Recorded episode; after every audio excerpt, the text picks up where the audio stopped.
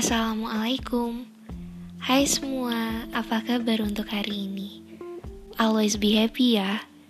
Bertemu lagi bersama Nisrina Via Suara di podcast Makna Malam. Podcast yang bisa kamu dengar gratis kapan pun dan di mana pun hanya di Spotify.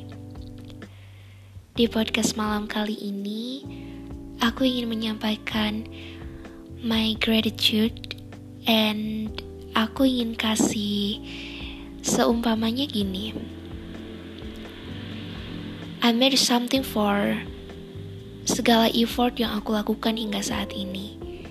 And lastly, I just wanted to say thank you very much untuk semua orang yang involved in my life. So, yap, langsung saja kita mulai episode 8 hanya di podcast Makna Malam.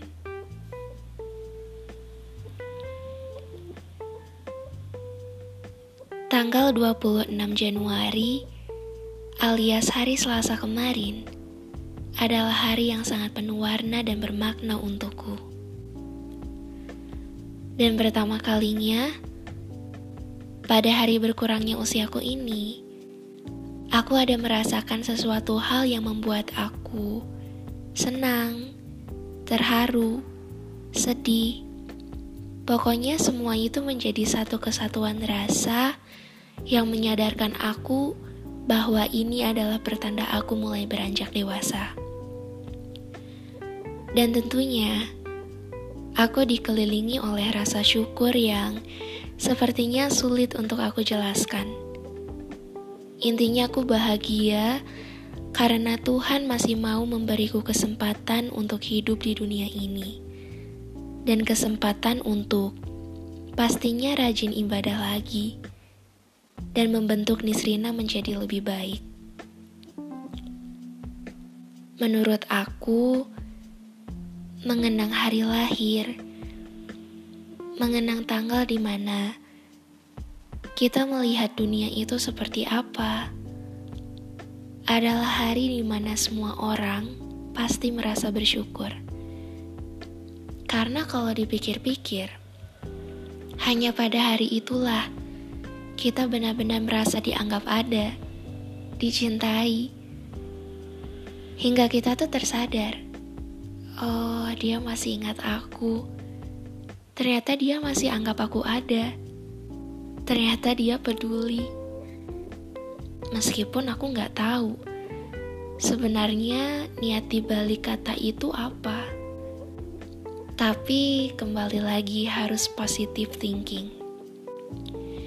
Dan di hari tersebut, aku benar-benar merasa aku bahagia karena didoakan yang terbaik oleh banyak orang. Meskipun lewat ketikan, tulisan, atau kata-kata, Aku senang orang lain ada niat untuk mendoakanku. Oh ya, terima kasih. Terima kasih untuk diri ini. Sudah kuat dan sanggup bertahan hingga detik ini. Terima kasih. Kamu selalu ada di saat orang lain pergi. Terima kasih. Kamu selalu menguatkan. Padahal aku tahu kamu juga butuh dikuatkan. Terima kasih. Kamu tidak pernah marah ketika aku terlalu keras kepadamu. Maaf jika aku terlalu sering mengejar hingga membuat kamu merasa lelah. Aku sadar, aku telah egois terhadap diriku sendiri. Dan maaf,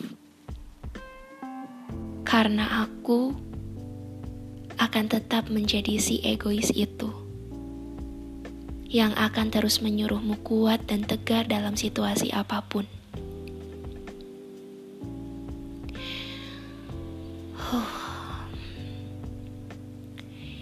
Lalu aku bersyukur banget sampai bingung cara mengungkapkan terima kasih aku seperti apa.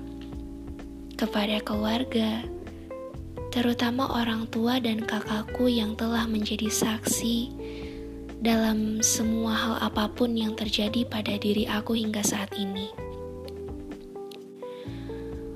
Aku juga gak kalah merasa bersyukurnya karena dikelilingi orang-orang baik yang selalu memberiku nasihat, mengingatkan aku bahwa aku tidak sesendiri itu, menyadarkan aku bahwa aku harus kuat dan lebih kuat lagi, karena mungkin di depan sana ada lebih banyak terjal yang harus aku selesaikan.